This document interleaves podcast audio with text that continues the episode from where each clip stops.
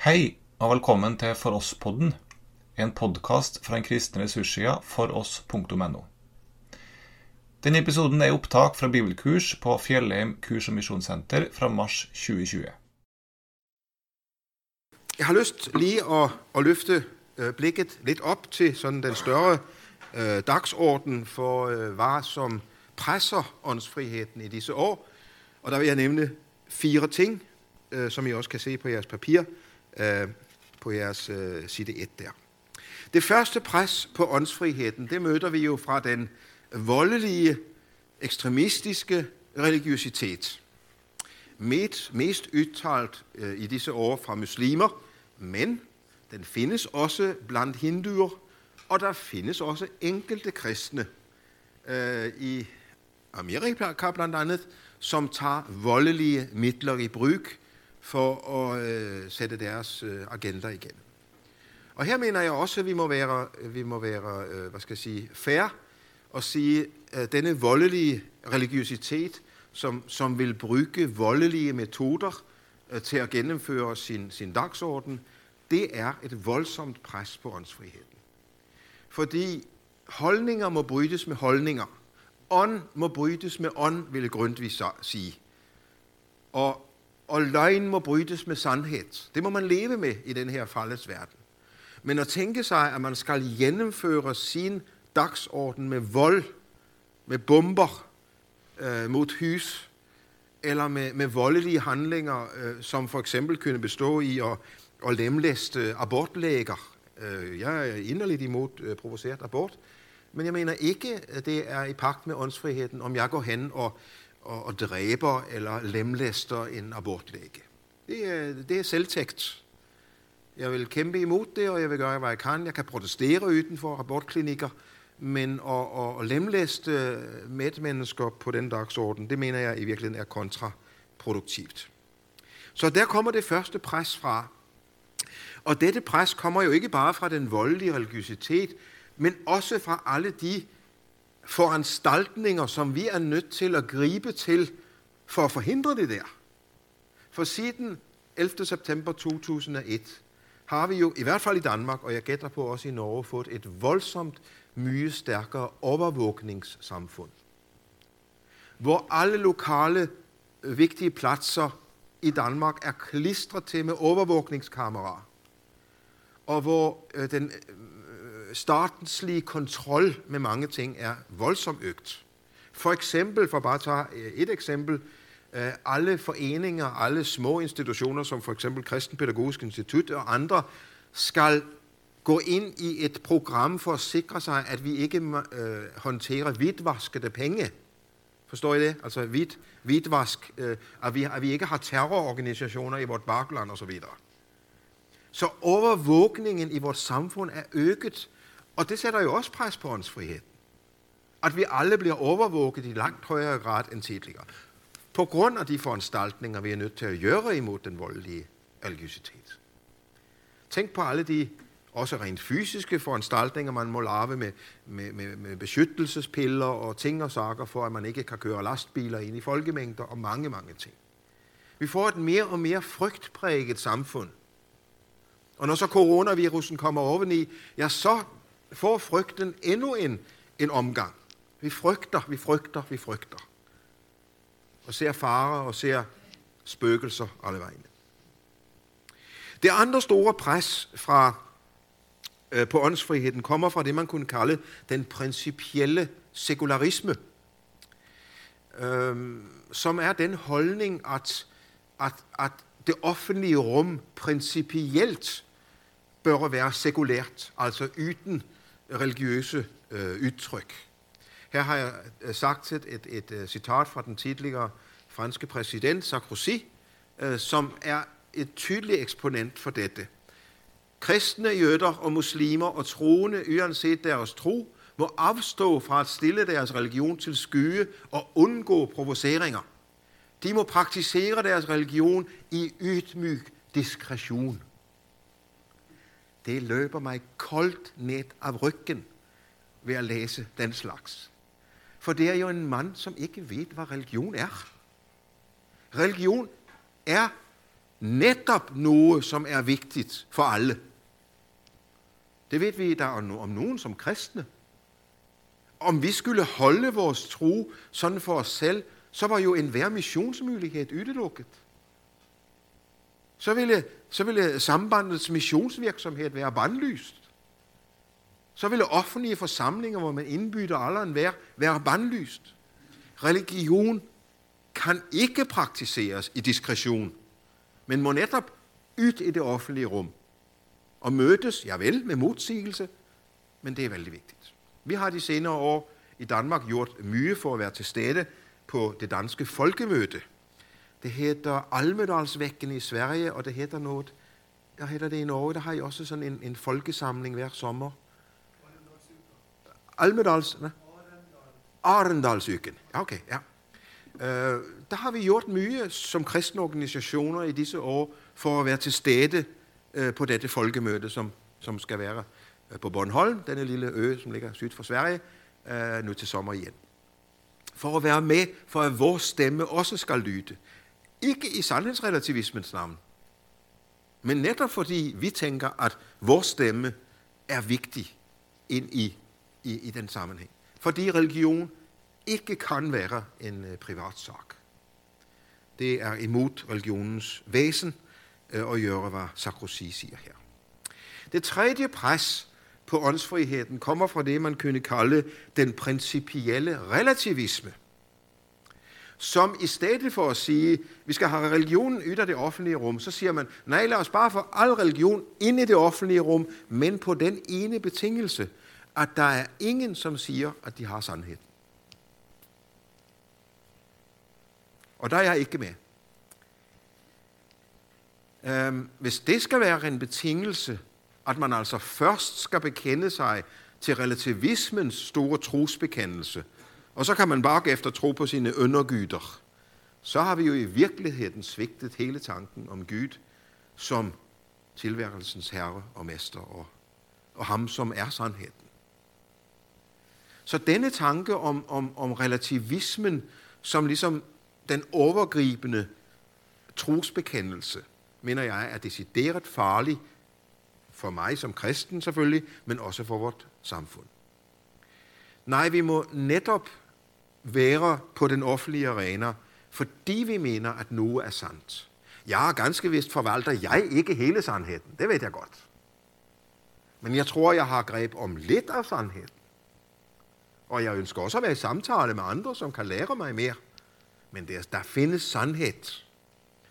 Og det er netop fordi, vi er uenige om, hvad denne sandhed er. Og det er vi i et pluralistisk samfund som vores, at åndsfriheden bliver så vigtig. Men for alt i verden ikke med relativismen som den grundlæggende trosbekendelse. Og her ser jeg også en afspejling af demokratiforståelsen. For hvis demokratiforståelse er det forhold, at vi alle skal bekende os til, at sandheden er relativ, så, så er det ikke mit demokrati. Demokrati, øh, det siger den danske filosof K.E. Løgstrup. Han var på mange måder en vismand, selvom jeg teologisk set er uenig med ham på mange felter. Men han sagde, øhm, til at være en, en livsoverbevisning dyr demokratiet ikke. Dets hensigt er en mye mere beskeden, nemlig at lære os at være uenige på en skikkelig måde. det er demokratiets væsen. Demokratiets væsen kan ikke holde til at være vores trosbekendelse. Men demokratiet er en rigtig hensigtsmæssig måde at lære os at være uenige på en skikkelig måde. Så her er der to forskellige demokratiopfattelser ud og gå. Den fjerde pres på åndsfriheden, det møder vi fra det yderste højre, fra den politiske højrefløjs nationalisme, som også med sine dagsordner øh, forsøger at sætte åndsfriheden under pres. Øh, det har vi eksempler på, øh, når man i Danmark for eksempel har, øh, har folk, som, som direkte mener, at øh, muslimer skal nægtes religionsfrihed øh, i Danmark.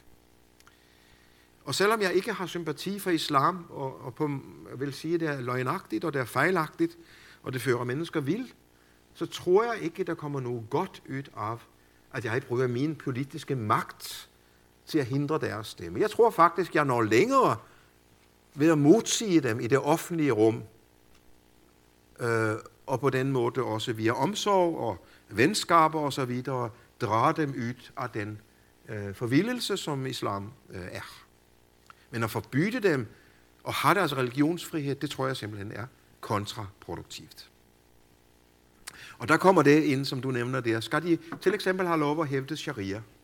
Og det mener jeg er et, et, et stort problem, fordi sharia er en sammenblanding af værtsligt og åndeligt regimente, og er en tænkning øh, om et teokrati i stedet for demokrati. Og det, som minimum skal sharia modsiges på det kraftigste, og måske skal også ting forbydes.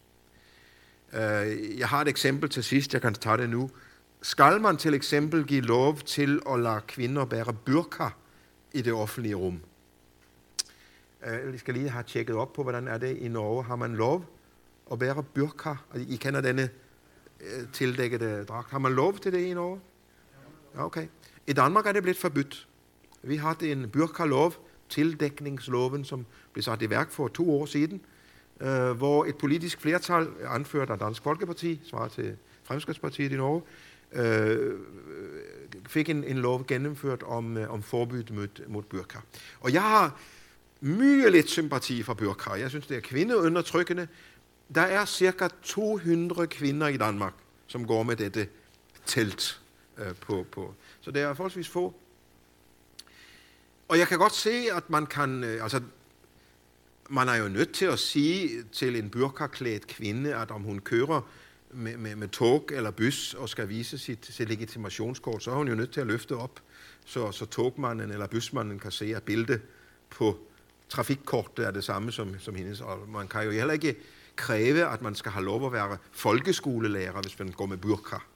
For det er så vigtig en del af interaktionen med elever, så man kan ikke have lærere, som, som insisterer på at ville gå med burka.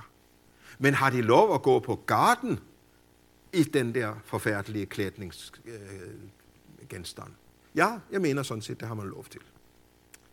Det er, ikke, det er ikke til hinder for mig. Jeg kan ikke få øjenkontakt med hende, men altså, det kan jeg leve med. Jeg mener faktisk, den danske øh, lovgivnings øh, en, øh, insistering på det Og vi har også fået mange problemer med det i Danmark. For hvad så med folk, som går tildækket af andre grunde? Julemanden til eksempel. Eller andre, som, som, som går med tildækning, for, fordi de har våddragt på. Eller, altså, skal de så også, og det er vældig svært at komme rundt om. Ja. Og det er helt, øh, det er helt fair. Det mener jeg. Altså, det er jo præcis det samme som, altså, er man bankmand, øh, så kan man jo heller ikke forlange at komme i, i badebukser eller, eller trænings øh, joggingsæt, vel? Er du ansat her i banken, så går du med hvid skjorte eller blå skjorte og slips. Og så, altså, det har man lov til at have visse øh, kodex for, for, hvordan man går klædt. Og det har man også. Er der også studenter? Ja. Men det mener jeg faktisk også er legitimt, for jeg vil have vældig svært ved at undervise, om I sat her, og jeg kunne se jeres øjne, og, og den kontakt og alt det. Det, det. det synes jeg er helt fair. Øh, men om hun skal forbydes det, og, og ja, der var til med en dansk politiker, som sagde, at det skulle forbydes, øh, fordi øh, øh, det skulle også forbydes i private øh, sammenhænge, fordi man kunne jo så ikke se forskel på, om det var en, en form for omvandrende telt, eller det var et, øh, altså noget af den stil, så Jeg synes, der har været mange mærkelige argumenter yder at gå, hvor, hvor folk mangler øh, hvad skal man sige, den principielle tænkning om det her. Nu vel, der er et pres på åndsfriheden. Der er i hvert fald disse fire, og måske flere, øh, som, øh, som vi skal forholde os til. Men lad mig også tage med en anden vældig vigtig sak, og det er, at øh, strengt taget, strengt taget er åndsfriheden aldrig for alvor krænket. For hvis bare mennesker er villige til at betale den ultimative pris for at mene det, de mener, og for at sige det, så kan de gøre det. Denne mand, Solzhenitsyn, han betalte en høj pris for at modsige Sovjetunionens øh, Sovjetunionens øh, påvirkning osv. Han, han blev forvist til Sibirien, han blev øh, bandlyst. Men hvem står som vinderen i dag? Er det Brezhnev? Er det Stalin? Det er Solzhenitsyn. For han holdt fast og gik planken ud, og han fik ingen statstilskud, og han fik ikke noget som helst, men han stod på det, som var sandt for, og det bar frem. Det gælder Johan Høs, som er en af reformatorerne, vi måske glemmer, fordi han kom lige 100 år før Luther. Prægtig mand, som gjorde oprør før Luther mod den katolske kirke. Og modsat Luther, det var nok mye heldig at Luther og levede 100 år senere, for ellers var han nok også blevet brændt, som Johan Hus gjorde. Jeg har læst en øh, biografi om ham. Det er vældig, vældig interessant og vældig rørende at møde denne mands dybe integritet over for, for det store pres, han blev udsat for. Men han øh, stod distancen. Han betalte den ultimative pris og blev brændt på bålet. Øh, men han var, fri, han var den frie mand alligevel. Det gælder også, hvis vi går op til nyere tid, øh, en Dietrich Bonhoeffer, som sikkert nogle af jer kender som tysk øh, modstandsmand, og som jo øh, allerede tidligere under naziregimet distancerte sig fra hele den lutherske kirkes øh, efterrettelige øh, hvad skal man sige, følgeagtighed over for, for, for Nazi-Tyskland. Det er jo vældig pinligt at være lutheraner og så tænke på Nazi-Tysklands lutherske kirke, som fyldte lydigt i slipstrømmen på, på nazi-regimet. Men Dietrich Bonhoeffer og få andre med han etablerede Bekendtiskirche og gik imod, blev fængslet, og jeg har læst, øh, findes på dansk, hans fængselsbreve. Og det er forunderligt at læse disse fængselsbreve, fordi der får man indtryk af, at her sitter den frie mand. Det er fangevogterne, som er de bundne. Han er den frie. Han betaler den store pris. Ja vel, han bliver henrettet bare en eller to uger før Nazi-Tysklands sammenbrud. Blev han skjødt. Øh, men han er den frie, som, som, som selvfølgelig må undvære både startstøtte og alt den slags, men som altså var fri i sin samvittighed. Det gælder jo også Nelson Mandela, for at tage et, et andet ikon. 18 år på Robben Island, under frygtelige vilkår. Og også når man læser hans biografi, er det den her mærkelige oplevelse af, han er den frie, og alle hans fangevogtere er de bundne. Øhm. For, for, for om man bare vil kæmpe for det, som er sandt, og det, som man er overbevist om, og som er godt for menneskene, så er man altid fri. Men det er kun de færreste af os, som har Nelson Mandelas og Dietrich Bonhoeffers og Johan Hus og Solzhenitsyns integritet til at gøre det her. Jeg tror godt, jeg tør sige, jeg har det ikke stå deres distancer. Og derfor er åndsfriheden så vigtig. Fordi vi ikke alle har deres integritet til at stå distancen, når presset kommer. Fordi også jeg nok har det opgivet mine positioner, hvis det var min fry, som har fået pistolen for panden, og jeg har det fået at vide, at hun bliver skudt, hvis ikke du sådan og sådan. Fordi vi ikke alle har den integritet, som, som for eksempel disse har, ja, der er det så vigtigt, at en mand som Grundtvig øh, lancerede denne tanke om åndsfrihed, som, som er vigtig for, for, at et samfund kan blive humant øh, og øh, acceptabelt at leve i. Ja. Øhm, så vil jeg godt gå et lille skridt videre. Vi har bare 20 minutter tilbage her. Øh, og gå lige over i en, en lidt anden kontekst og spørge, jamen, hvad betyder så åndsfriheden ind i vores egne sammenhænge? Nu har vi arbejdet lidt med, hvad den betyder på samfundsplan, og hvordan det norske samfund og det danske samfund kan, kan håndtere disse ting. Men hvad betyder det i norske kyrkan, eller i øh, den sammenhæng, hvor vi er sammen, i øh, bibelskolesammenhæng, i kristne missionsforeninger og den slags ting? Øhm, for også her mener jeg, vi kan lave en, en, hvad skal man kalde det, videreføring. Der er stor forskel på åndsfriheden på samfundsplan, hvor vi også må acceptere folk, vi øh, er direkte uenige med. Øh, og så alligevel findes der også en dimension ind i vores egne forsamlinger af åndsfriheden, selvom den ser anderledes øh, ud. Lad os arbejde et øjeblik med det. Øhm, i øh, menighedssammenhæng må det være selvsagt, i forsamlingssammenhæng må det være selvsagt, at man har lov at have en profil. Det er netop det, vi også har pratet om med kristne skoler osv., at man har en profil, at man har lov at ansætte folk øh, i sambandet, som er sambanditter, øh, eller hvad det hedder, den slags folk, øh, at man øh, har lov at tilsætte folk, som, som, som svarer til det, man vil. Det gælder jo ikke bare øh, kristne organisationer, det gælder jo også i Arbejderpartiet. Selvfølgelig har man lov i Arbejderpartiet at ansætte folk, som er Arbejderpartifolk, og det vil jo være brydt på åndsfriheden og kræve af dem, at de skal ansætte fremskridtsfolk eller, eller andre. Altså man har lov at, at opretholde en, en profil for sin øh, organisation og sin menighed, øh, også øh, i åndsfrihedens navn. Øhm, og så har vi alligevel øh, også en, en opgave inden for disse fællesskaber, hvor vi har lov at have en profil, har vi alligevel også i en afledt grad ansvar for en vis åndsfrihed. Det er nemlig ikke sundt for et kristen fællesskab, hvis man skal være absolut uenig om alting fra A til Z.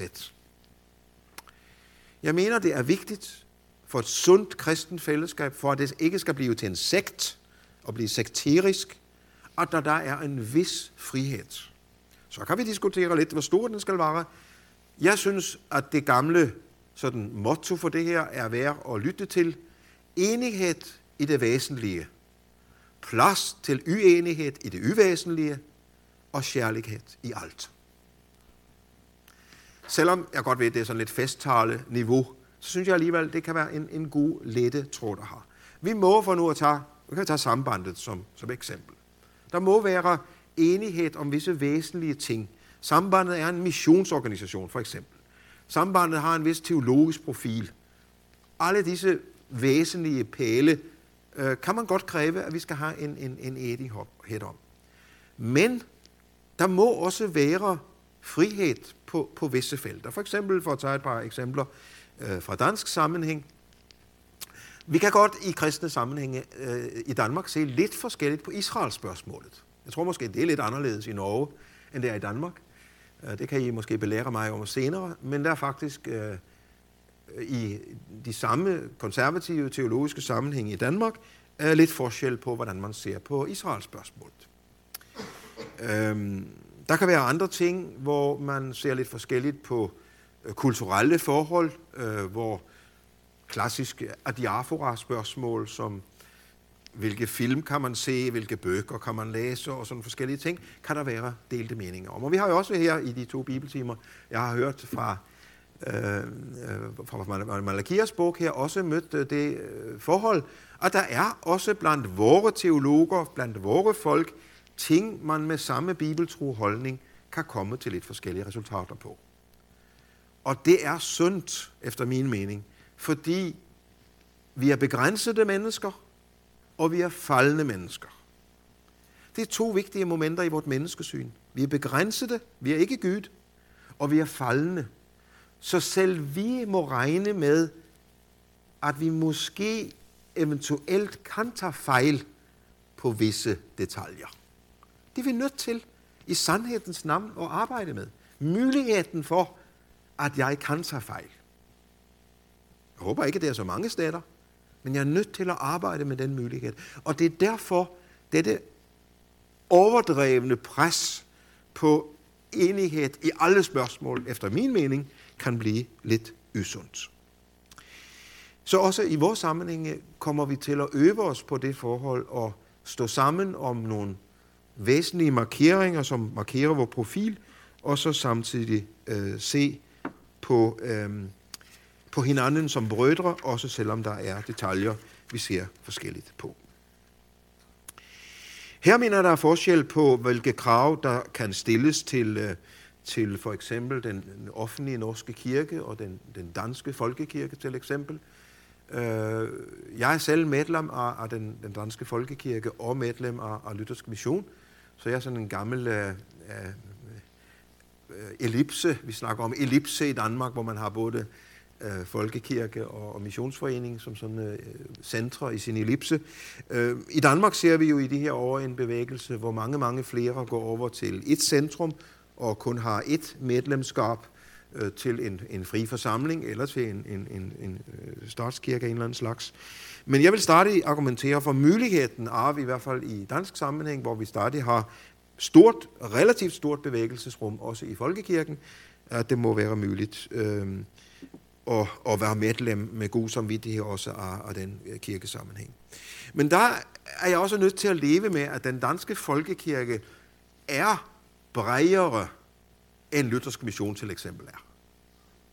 Der vil det ikke, efter min mening, være ret at hævde, at folkekirken skulle blive Luthersk Mission, for at jeg kunne blive medlem af den. Der, der lever jeg med det forhold, øh, fordi jeg ikke forholder mig til en synode, men til min lokale folkekirke, hvor vi har en god præst, øh, at det er det, jeg relaterer til.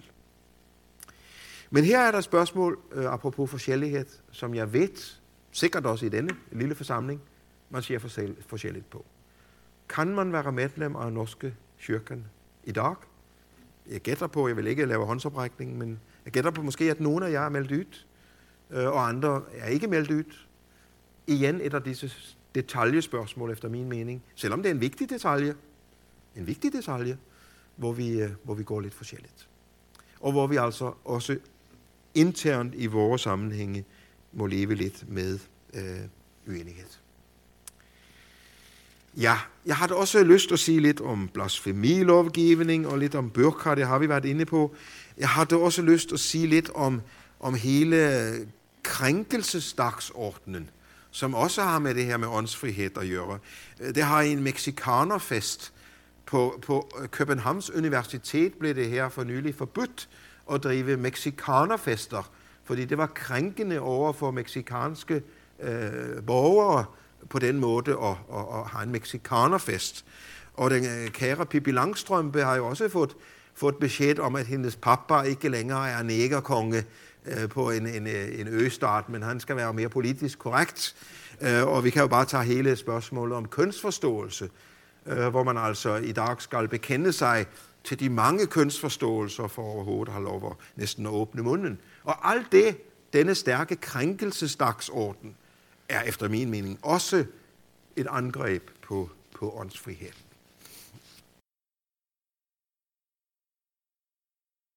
Du har nu hørt opptak fra bibelkurs fra Fjellheim kurs- og misjonssenter. Du finner mange andre opptak med undervisning på foross.no.